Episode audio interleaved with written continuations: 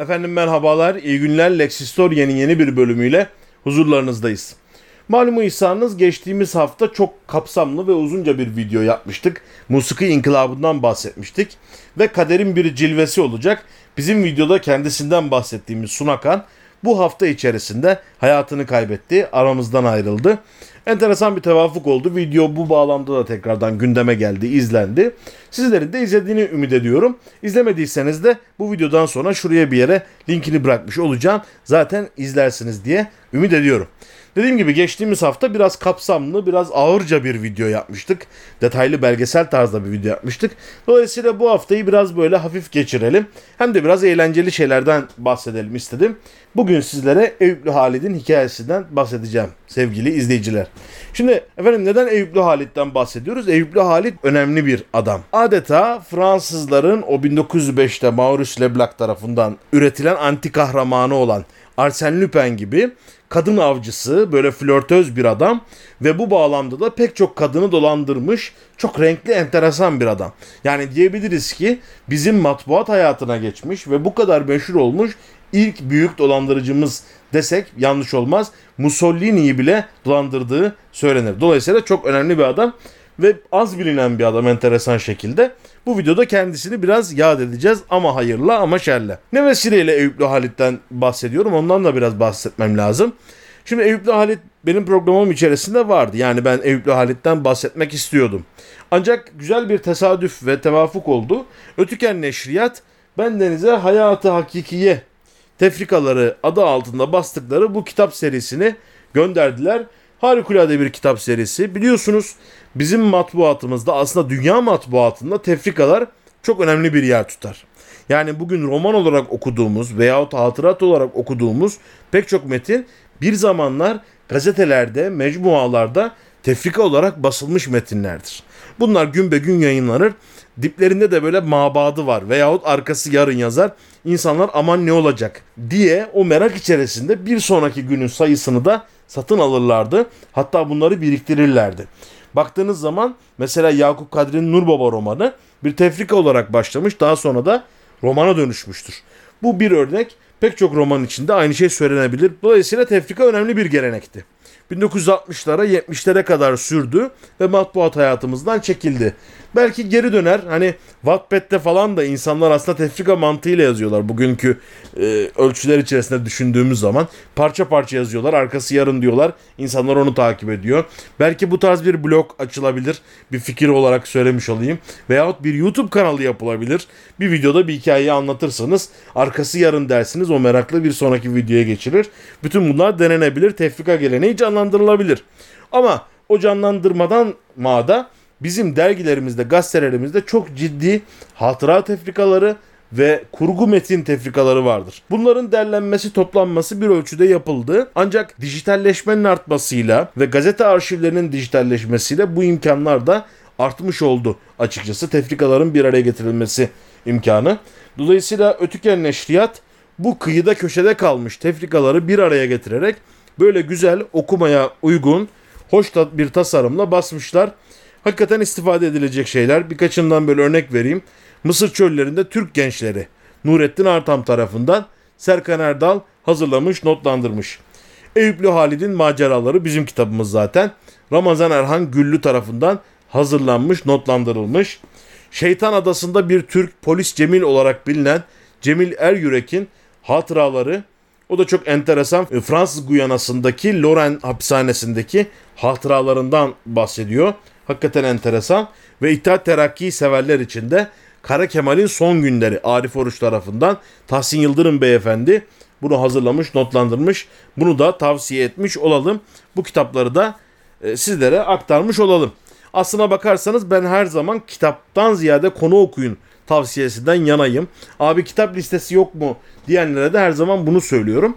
Ama konunuza uygun düştüğü nispette bu kitapların da okunmasını tavsiye etmiş olayım bilvesile. Şimdi efendim biz mevzumuza dönelim. Dolandırıcılık diyorduk. Aslına bakarsanız suçla zekanın ilişkisi biraz komplikedir. Yani her suç büyük bir zekaya dayanmaz. Bakarsınız bir basit yaralama, bir efendim cinayet suçu, seri katil değilsek onlarla ilgili de bir video yapmıştım hatırlayacak olursanız. Zekanın farklı bir türünün işlediği Enteresan insanlar seri katiller. Ama baktığınız zaman suçla zeka her zaman yan yana gelmeyebilir. Ama dolandırıcılık neredeyse tamamen zeka ile işlenen ve insan duygularını, psikolojilerini manipüle etme başarısıyla işlenen bir suç olduğundan en dikkat çekici suçlardan bir tanesi aslında. Ve biz de dolandırıcılıktan hali kalmayan bir milletiz. Bu konuda başarılı bir milletiz. Çok uluslararası dolandırıcılarımız bile var. Hepiniz biliyorsunuz isimlerini. Ama şöyle bir tarihimize baktığınız zaman çok yakın tarihte ben Deniz'in çocukluğunda mesela bir saadet zinciri dolandırıcılığı vardı. Ponzi dolandırıcılığı da denirdi veya Titan saadet zinciri de denirdi. İşte insanlar binlerce lirasını bu dolandırıcılık sistemin içerisinde kaybettiler. Yine Jet Fadıl ismiyle bilinen bir zat tarz dolandırıcılık hadiseleriyle ismi anıldı ve pek çok insan onun işletmelerinde paralarını kaybetti. Yine yakın tarihte bir çiftlik bank vakası vardı biliyorsunuz. İnsanlar hayali keçileri satın aldılar, hayali koyunları satın aldılar, hayali inekleri taralarda gezdirdiler.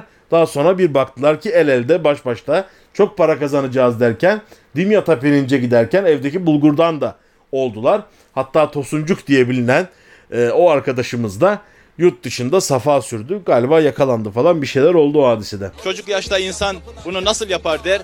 Fakat bizler Fatih Sultan Mehmet'in 21 yaşında İstanbul'u fethettiğini çok iyi biliyoruz. Bu yüzden Mehmet Bey'i tebrik ediyorum.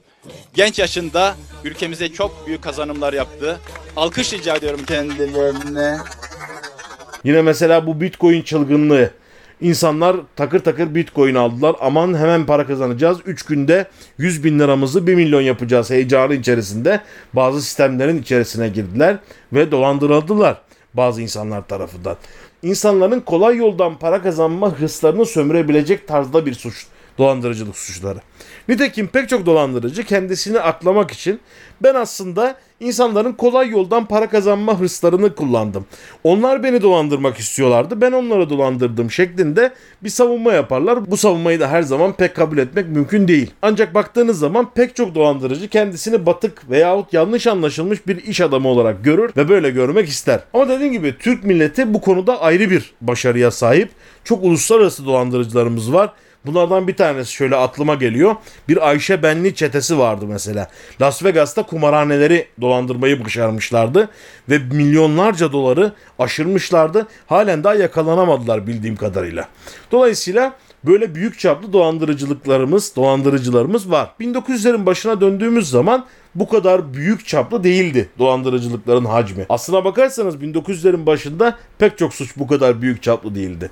Nasıl bir dönemin kabadayıları zamanla devletle irtibat kurup mafyalaşmışsa bir dönemin dolandırıcıları, karbanyolacıları, şunları bunları bul karayı al parayı dolandırıcıları da zamanla siyasetle, ticaretle iç içe geçip hacimlerini büyütmüş olsalar gerek diye düşünüyorum. Dediğim gibi 1900'lerin başında bu kadar büyük değildi bu işler ve bizim çapkın dolandırıcımız Eyüplü Halit o tarihlerde bu piyasanın içine giriyordu.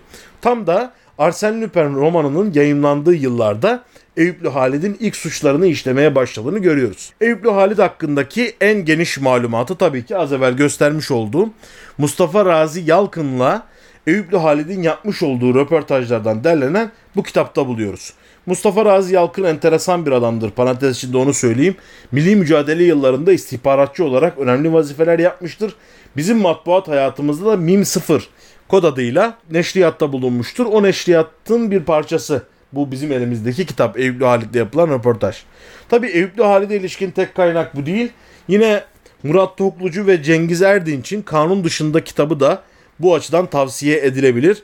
Eyüplü Halide dair bir başlık var. Tabii ki kitaptaki kadar geniş bir yer ayırmak mümkün değil bu kitap kapsamında ama kitap netice itibariyle 1941 senesinde kendisinden derlenen hatıralardan oluşuyor.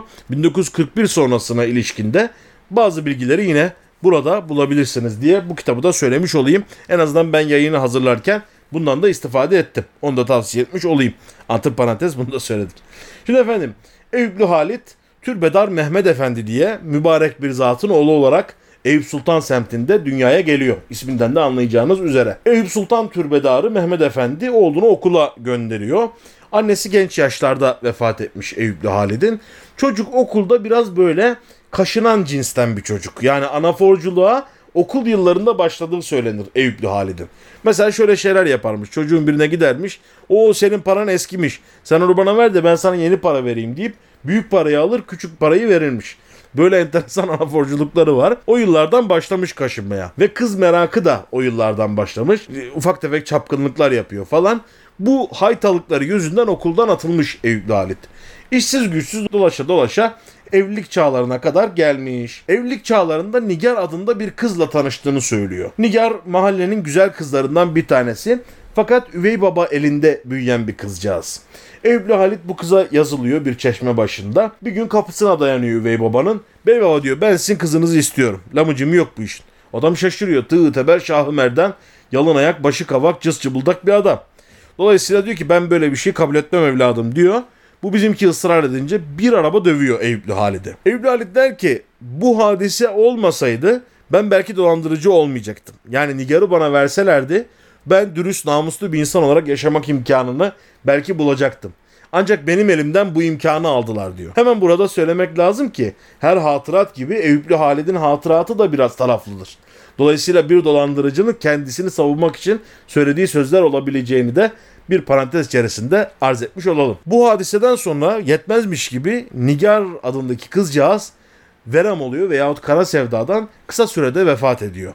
Eyüp'le Halide olan aşkında. Bu aşk macerasından sonra topluma olan güvenini bir yerde kaybediyor ve anaforculuk alemine balıklama dalıyor. Benli Makbule, Sarı Leyla, Arnavut Muazzez adında üç kızla aynı anda gönül ilişkisi çevirmeye başlıyor. Muhtemelen bu gönül ilişkileri arasında da kızlardan ufak tefek para tırtıklamaya başlıyor. Bu yıllarda gönlü Efterpe adında bir Rum dilberine vuruluyor. Kızın peşine düşüyor. Kız bunu kabul ediyor. Aralarında bir flörtöz bir durum başlıyor. Hatta çıkmaya başlıyorlar bugünkü ifadeyle. Bu çıkmalar, gelmeler, gitmeler bir müddet sonra Kozma Çelebi adındaki Efterbe'nin Rum ve zengin bir esnaf olan babasına kadar naklolunuyor. Eyüplü Halit bir müddet sonra kızın babası Kozma Çelebi ile tanışıyor. Hatta bu tanışmada kendisini efendim ben anne tarafından Giritli Rum'um biz sonradan böyle Müslüman olduk falan gibilerinden adeta böyle ben aslında Rum olmak da istiyorum sinyalleri vererek Kozma Çelebi'nin güvenini kazanıyor. Ve neredeyse artık damat Halit Bey muhabbetleri başlıyor evin içerisinde. Kozma Çelebi bu güvene istinaden diyor ki evladım biliyorsunuz biz Rumuz ve Rumlarda bir adet vardır drahoma diye. Drahoma da şudur bilmeyenler için arz edeyim. Erkeğe verilen başlık parasıdır. Öyle ifade edeyim. Rumlarda eskiden bir adet vardı. Halen daha Yunanistan'da sürdürülüyor diye biliyorum. Bir kız evleneceği zaman damada yüklü bir miktar para veriliyor. Bunu duyunca Eyüplü Halit ulan ben bunları tırtıklamayı düşünüyordum. Bunlar kendi elleriyle bana getirip bu kadar para verecekler ha deyince bir gülesi gelmiş. Böyle içim kıpırdamaya başladı, öpüdemeye başladı diyor. Bir anda kendimi koltuğa attım diyor. Sanki böyle üzülmüşüm, ağlıyormuşum gibi. Suratımı kapattım diyor. Ben böyle bir şeyi kabul edemem bey baba falan diye çıkışmış Eyüplü Halit. Ama Kozma Çelebi olmaz evladım bizim şanımıza yakışmaz. Biz koskoca işte esnafız burada herkes bizi tanıyor. Bir drahoma vermezsen vallahi perişan oluruz gibilerinden derlemişler toplamışlar. Çok ciddi bir rakamı Eyüplü Halit'in cebine sıkıştırmışlar. Hal böyle olunca arpası fazla gelen Eyüplü Halit vın topuk Efterpe'yi terk etmiş ve Beyoğlu alemlerine dalmaya başlamış. Burada iki yabancıyla tanışıyor. İsimleri şu anda hatırımda değil. Yine kitaptan okursunuz söylemiş olayım. Ve eter çekmeye başlıyor. O dönemde meşhur olan bir uyuşturucu çeşidi eter.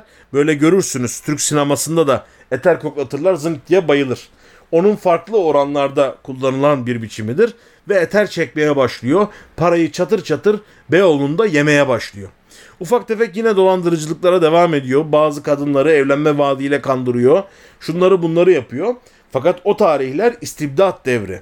Ve baktığınız zaman çok ciddi bağlamda kabadayılarla devlet erkanı arasında bizim önceki videolarımızda anlattığımız tarzda bir irtibat var. Ve Arnavut Tahir Paşa'nın bir adamı var Beyoğlu'nda. Komiser Muhsin Efendi. Komiser Muhsin Efendi bu anaforculuk hikayelerini takip ettiği için piyasaya yeni giren Eyüplü Halid'i de koparmaya çalışıyor. Onun peşine düşüyor. Eyüplü Halit de yolunmamak adına kaçmaktan başka bir yol bulamıyor. Ve doğrudan Laleli'ye gidiyor. Orada bir konak kiralıyor. Yeşil Tulumba diye bir semte yerleşiyor. Adeta büyük vurgununu yapmış. Ununu elemiş, eleğini asmış tarzda Yeşil Tulumba'da oturmaya başlıyor. Burada bir gün camiye gitmiş. O da çok enteresan bir hikaye aktarayım. Camide bir vaiz vardı diyor. Daha ziyade kadınlara vaaz eden, Burmalı Mescid'de kadınlara vaaz eden Büyük Efendi diye bilinen bir vaiz vardı diyor. Bu vaiz Hazreti Yusuf kıssasını anlatırken bütün kadınlar gözyaşları içerisinde dinliyorlar. Hatta diyor ki Eyüp Halit benim bile gözlerim doldu. Tam böyle ağlarken bir bakmış belki işte beşi biri yerdesiyle genç bir kız. Gözüme o takıldı diyor. Doğrudan camiden çıktım diyor. Zannedersiniz ki Eyüp Halit böyle bir dini kurumun içerisinde bir kıza gözüm takıldı olmaz böyle şey deyip çıkmış. Hayır. Kahvanede beklemeye başlamış bu kızı. Kahvaneden çıktıktan sonra da peşine düşmüş ve kızı ikna etmiş. Ve bu iknadan sonra bu kızla bir izdivac etmiş Eyüplü Halit. Yeşil Tulumba'da sofu bir kayınpederin evine damat olarak girmeyi başarmış. Yine orada da onlardan geçinmiş, o günlerini öyle geçirmiş. Hatta bir çocuğu bile olmuş o kızcağızdan. Fakat kaderin bir cilvesi kızcağız vaazı hamlederken çocuğu doğuracakken vefat etmiş. Bunun üzerine baldızı ile evlenmiş Eyüplü Halit. Yeşil Tulumba'da böyle sıradan bir yaşam yaşıyor. Yani gördüğünüz kadarıyla Beyoğlu'ndan kaçmış, komiser Muhsin'in şerrinden kaçmış. Öyle yaşamaya devam ediyor. Abdülhamit'in adamlarına para yedirmemiş. Vurgunu da yapmış belki bir yerlerde köşelerde bir zulası da var. O şekilde yaşamaya devam ediyor gibi görünüyor. Fakat Baldız yani yeni karısı Eyüplü Halid'in biraz cin bir kadıncağızmış. Bunun hareketlerinden şüphelenmiş. Ya bunun anası danası bir şey yok mu? Bu adam böyle Hüdayi Nabit yerden çıkmış gibi geldi buraya yerleşti. E ben de bundan evlendim. Nedir necidir diye araştırmaya başlamış ve Beyoğlu'ndaki maceralarını öğrenmiş. Çünkü Yeşil Tulumba'da kendini Eyüplü Halit Mehmet Said adıyla tanıtıyor ve kadınla da o şekilde evleniyor. Fakat kadın cin meseleyi öğrenince Eyüplü Halid'in kaçmaktan başka bir çaresi kalmıyor ve Mısır'a gidiyor. Ama can çıkar huy çıkmaz derler. Burada da kendisini bir Arap asilzadesi, bir şehzade, Arap şeyhinin oğlu olarak tanıtıyor. Şeyh Yahya isminde bir zatın oğlu Abdurrahman Yahya şeklinde tanıtıyor. Burada Cemile Hanım adında zengin bir kadıncağız da tokatlamayı başarmış. Bir müddet Mısır'da böyle kaldıktan sonra İstanbul'a dönüyor ve dolandırıcılık, anaforculuk alemlerine tekrardan düşüyor. Buranın tabii çok detayı var. Ben bütün detayları verip yani kitaptan hevesinizi kırmak istemiyorum. Mutlaka okuyunuz. Ama enteresandır. İstiklal Savaşı olduğu sıralarda çok enteresan bir iş yapıyor Eyüp Halit. Bundan bahsetmeden edemeyeceğim. Bizim tarihimizdeki iki sahte karakoldan bir tanesini kuruyor. İstiklal Harbi sıralarıdır. Tepe başında Dolapdere'de Arap Abdullah isminde bizim meşhur Arap Abdullah mıdır orasını bilemiyorum. Biriyle anlaşıyor ve bir sahte karakol kuruyorlar. İstiklal Harbi bitmiş, İstanbul'un kurtuluşu günleri gelmiş. Ordu kapıda ha geldi ha gelecek şehre. Ama tam bir asayişsizlik var. Ve Eyüplü Halit de bundan istifade ediyor. Birini derdest ediyor mesela Arap Abdullah. Getiriyor Eyüplü Halit'in önüne.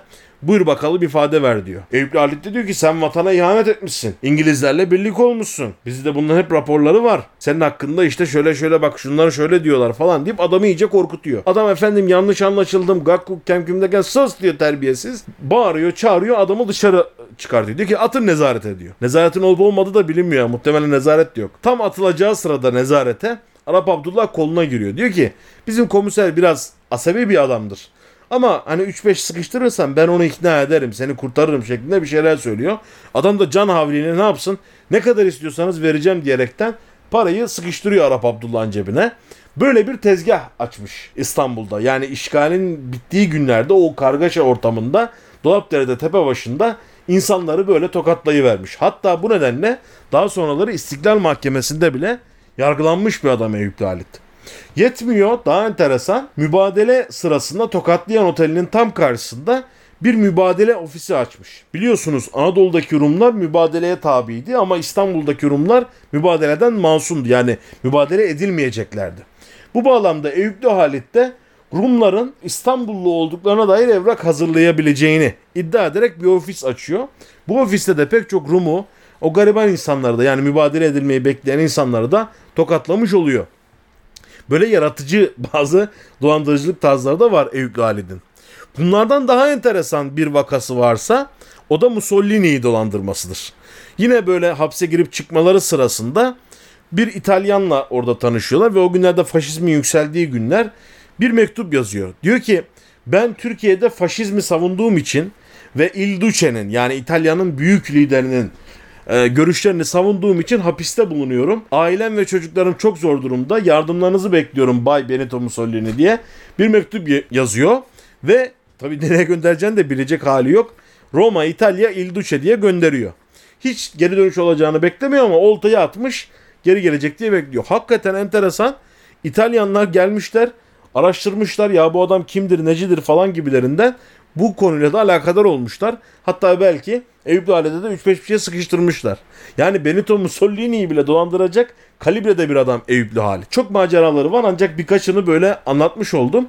Zaman içerisinde Eyüplü Halit de yaşlanıyor. Özellikle bu Benito Mussolini ile olan hadisesinden sonra işkenceye uğradığı da söylenir. Karakolda hapishanede ulan sen bizim başımıza iş mi vereceksin? Bizi İtalyanlarla papaz mı edeceksin diyerek Eyüplü Halid'i de dövmüşler yani öyle anlatırlar. Bu hadiselerden sonra biraz yaşlanmaya başlıyor. Son dolandırıcılıklarını biz George Mayer'in hatıralarında buluyoruz. O da İstanbul'da Beyoğlu'nda Mayer mağazacılık diye bir giyim mağazası açan bir yabancıdır. Onun hatıralarında Eyüplü Halid'in işlediği bazı suçların şahitliğini görüyoruz. Kendini kaptan olarak tanıtmış mesela bir kadına. O şekilde dolandırmış. Çok enteresan yöntemleri var. Mesela bir gün kahvehanede oturuyor. Bir bakıyor beşi bir yerde sile bir kadın geçiyor. Kadının peşine düşüyor. Hanımefendi bir konuşabilir miyiz falan. Kadın da biraz çekiniyor. Tabi o dönemde şey de var. Belki Eyüplü Halit şundan da istifade ediyor. Yani kadın erkek ilişkileri, evliliklerin kurulması, bozulması tam oturmamış, tam modernize olamamış bir yarı formda. Adam hep böyle İkircikli şehirden istifade etmiş aslında baktığınız zaman. İstiklal Harbi'nde ya işte bu şehir kurtuldu mu kurtulmadı mı Türk askeri gelecek mi gelmeyecek mi o hengamete bir şeyler kotarmış. Bu işlerde de ben biraz böyle yaptığını düşünüyorum. Yani kadın erkek ilişkileri tam oturmamış.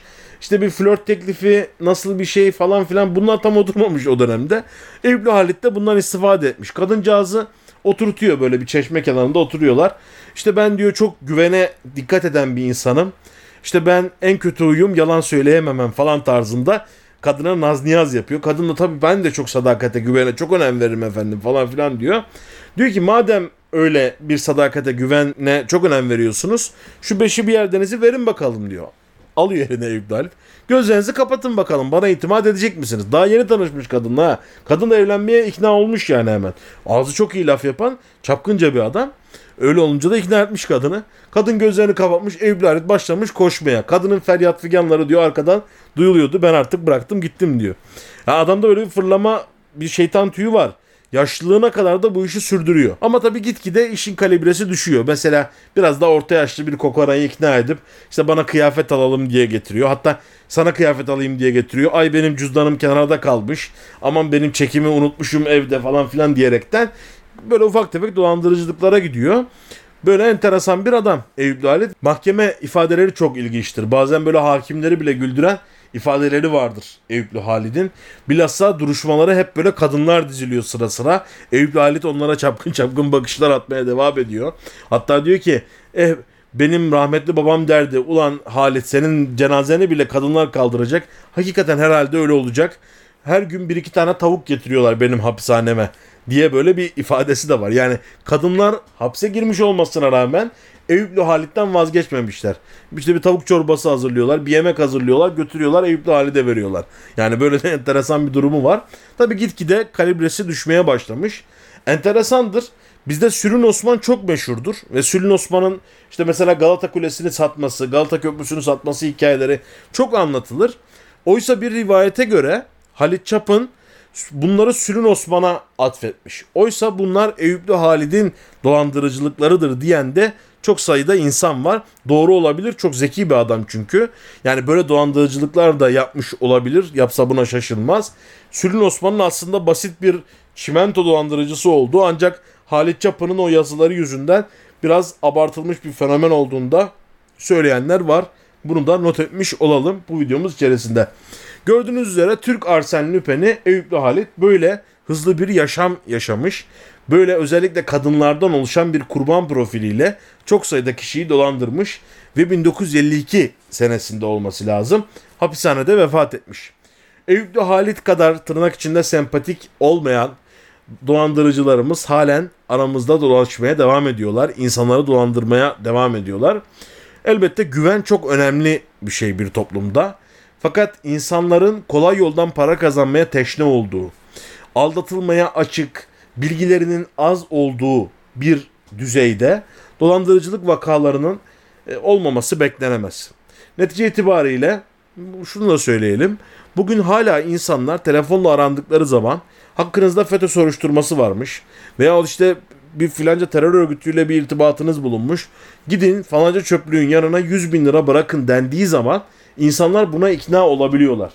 Çünkü bilgi eksiği var. Süreçlerin nasıl işlediğine dair insanların malumatı yok.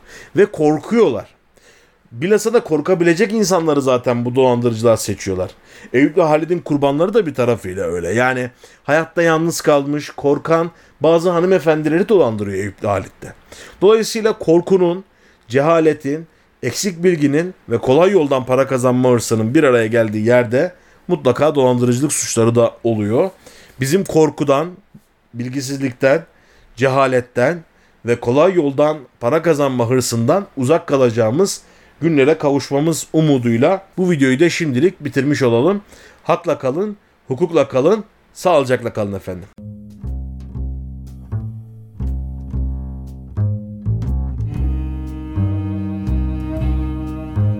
Lex Historia